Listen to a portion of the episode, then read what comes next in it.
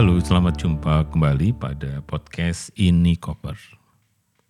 Inspirasi untuk komunitas perubahan. Saya Dani Wahyu Munggoro dari Inspirasi Tanpa Batas atau Inspirit.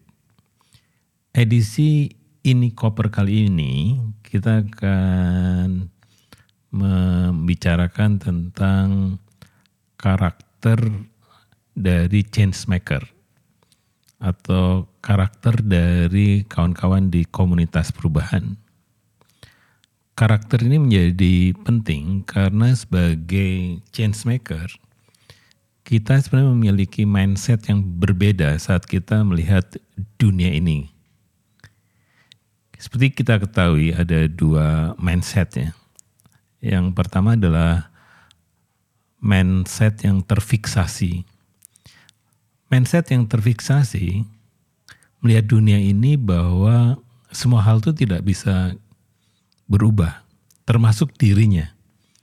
Sehingga ketika melihat dunia, sebenarnya lebih baik kita menerima apa adanya, tanpa harus melakukan perubahan-perubahan yang membuat kita sulit.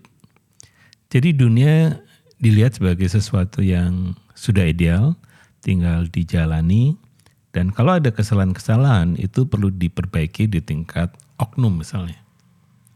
Nah berbeda dengan mindset yang bertumbuh atau growth mindset. Mindset yang bertumbuh percaya bahwa semua ini bisa kita ubah.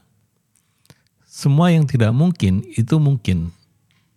Sehingga melihat dunia ini adalah sebagai ladang perubahan ya ladang untuk melakukan pembelajaran, ladang untuk bisa tumbuh ya, sesuai dengan impian kita masing-masing. Karena itu ada lima karakter yang penting bagi seorang change maker. Yang pertama adalah menjadi pribadi yang terbuka. Maksudnya adalah terbuka pada hal-hal yang baru jadi secara sederhana ya, kalau kita menerima apa pun dari orang lain, dari yang anak-anak kecil sampai juga yang lansia, kita selalu melihat pasti ada hal yang baru.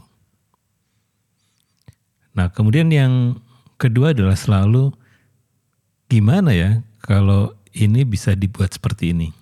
Semacam kalau dalam bahasa Inggris disebutnya what if. Gimana ya kalau dibikin gini? Kali lebih keren ya. Nah ini adalah sifat-sifat yang sebut dengan karakter yang terbuka. Kalau ada orang menyebutkan tidak mungkin nih gitu, ya, tidak mungkin terjadi, tidak mungkin sulit ini dilakukan, maka seorang change maker itu selalu melihatnya mungkin deh, pasti ada jalannya. Jadi di sini selalu melihat bahwa sebuah masalah itu tidak bisa dipecahkan pada dimensi berpikir pada saat kita melihat masalah.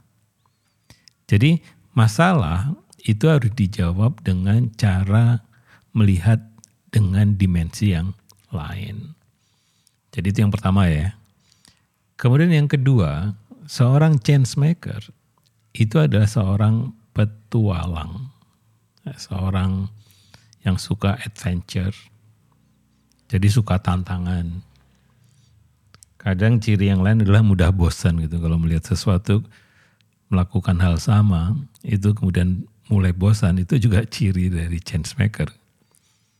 Suka pada pengalaman baru. Jadi kalau ke restoran itu atau ke warung ya makan tuh cari menu-menu yang baru itu juga ciri change maker karena ciri yang lain kita selalu udahlah beli ayam goreng aja di sini karena yang enak cuma ayam gorengnya.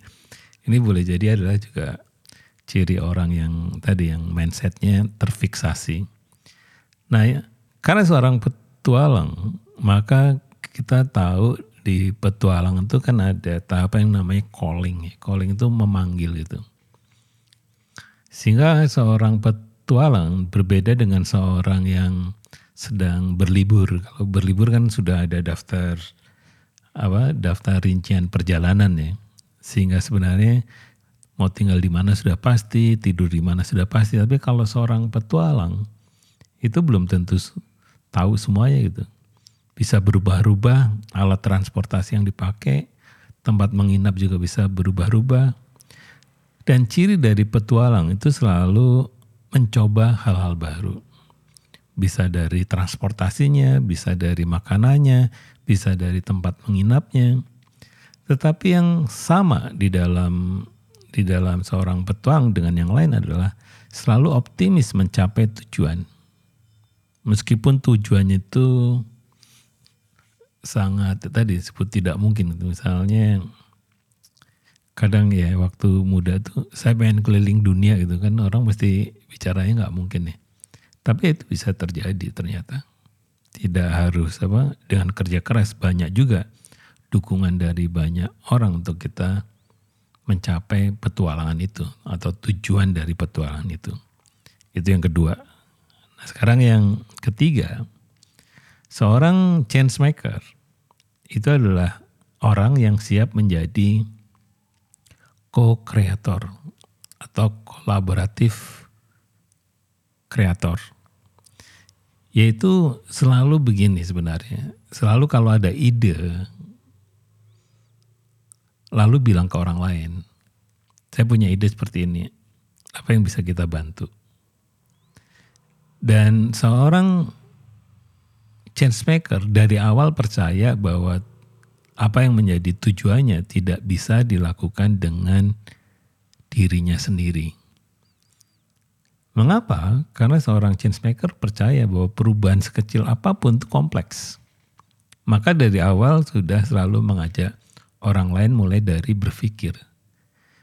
Ya jadi dari proses kreasinya itu mengajak orang lain. Jadi bukan ketika sudah matang baru ajak orang lain. Mulai dari punya ide kecil itu sudah diajak orang lain untuk ngobrolin apa yang kita bisa lakukan.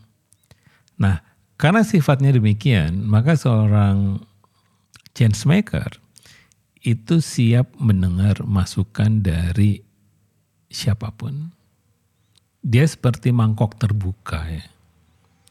Dia tidak selected. Dan siap melakukan apa semacam feedback untuk perubahan-perubahannya. Jadi tidak kekeh itu pada ide awalnya. Selalu boleh berubah. Dengan masukan-masukan yang baru. Nah itu yang ketiga. Jadi selalu berkolaborasi sejak dari pikiran. Nah yang keempat, yang keempat itu adalah bagaimana seorang fasilitator atau seorang change maker itu adalah orang yang kreatif. Dia sebenarnya adalah pencipta gagasan baru. Nah ciri dari kreatif kan selalu berani beda dulu ya. Nah kemudian baru apakah berbedanya itu punya tujuan itu. Kalau beda saja itu ya banyak orang bisa. Tetapi kemudian apakah punya tujuan yang kemudian menjawab problem yang sedang dihadapi. Karena itu di sini seorang change maker itu selalu gemar ya mengaktifasi otak kiri maupun otak kanan. Bahkan saya lebih cenderung mengaktifasi otak kanan karena otak kiri itu mulai dari kita masuk SD itu sudah diaktifasi. Otak kanannya justru ditekan terus. Sehingga kadang ketika kita selesai sekolah bukannya menjadi kreatif, tapi kita menjadi seorang yang analitis. Ya, suka menganalisa apa pun gitu, tapi tidak menjawab apa pun gitu. Karena proses menjawab itu adalah proses kreatif. Kalau proses mengeluh itu otak kiri. Nah di sinilah di dalam proses uh, menjadi seorang kreatif itu butuh energi yang luar biasa. Nah energi itu harus muncul dari empat kecerdasan utama yang dimiliki oleh setiap orang ya. Jadi yang pertama adalah kecerdasan kognitif atau kecerdasan pikir. Kemudian ada kecerdasan emosional, ya itu kecerdasan bagaimana kita menata emosi-emosi kita ketika merespon keadaan. Kemudian yang ketiga adalah moral atau spiritual intelligence atau kecerdasan moral yaitu etika yang akan menjadi steer, steer atau pengarah kita untuk apa ini apa itu. Boleh nggak ini? Boleh nggak itu? Apakah ini tidak boleh? Itu kecerdasan moral. Sedangkan yang keempat adalah kecerdasan tubuh. Ya, kecerdasan semacam physical. Physical intelligence. Bagaimana tubuh merespon ya apa yang menjadi pilihan kecerdasan emosional, kecerdasan kognitif tadi, dan juga kecerdasan moral tadi. Mau ke mana mereka? Jadi tubuh itu adalah follower.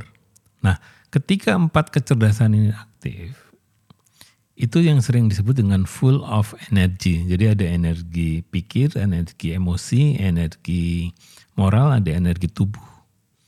Nah keempat energi ini kalau bersatu padu menimbulkan apa yang disebut dengan antusiasme. Nah, antusiasme dalam bahasa Inggris, kalau kita lihat di kamus ya, artinya Tuhan di dalam. Jika Tuhan sudah di dalam kita, maka tidak ada yang tidak mungkin. Itulah yang selalu kita lihat kenapa kalau orang sudah antusias, itu mengerjakan apa pun pasti berhasil, pasti sukses, pasti bisa. Nah yang terakhir yang kelima, seorang change maker adalah seorang pembelajar cepat. Ya. Karena salah belajar, salah belajar. Karena itu biasanya seorang pembelajar itu yang merdeka. Orangnya itu otonom, cara belajarnya itu otonom. Orangnya itu kreator, selalu menciptakan hal-hal yang baru. Apa pun ya. Nah yang menarik sebenarnya adalah seorang pembelajar itu selalu cari akal untuk bagaimana caranya semua hal itu menjadi lebih mudah. Seorang pembelajar adalah seorang yang mendengar, menyimak dengan hati. Dan selalu gembira. Ini yang penting sebenarnya.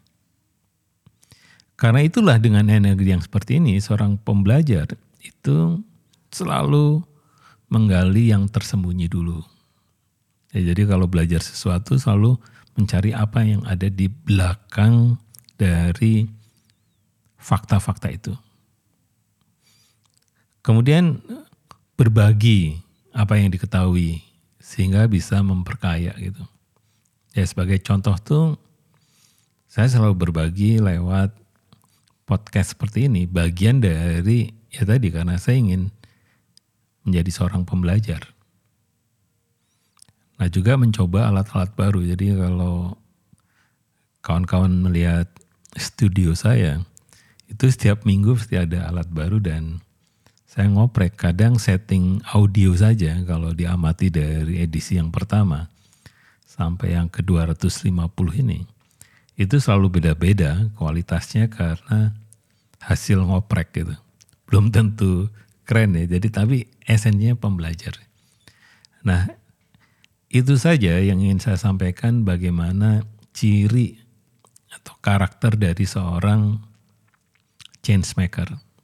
Jadi yang pertama terbuka, yang kedua petualang, yang ketiga co-creator, yang keempat kreatif, dan yang kelima pembelajar. Demikianlah ini koper kali ini. Kami di ini koper percaya bahwa berbagi apa pun itu akan bermanfaat bagi komunitas perubahan. Sampai jumpa pada edisi berikutnya.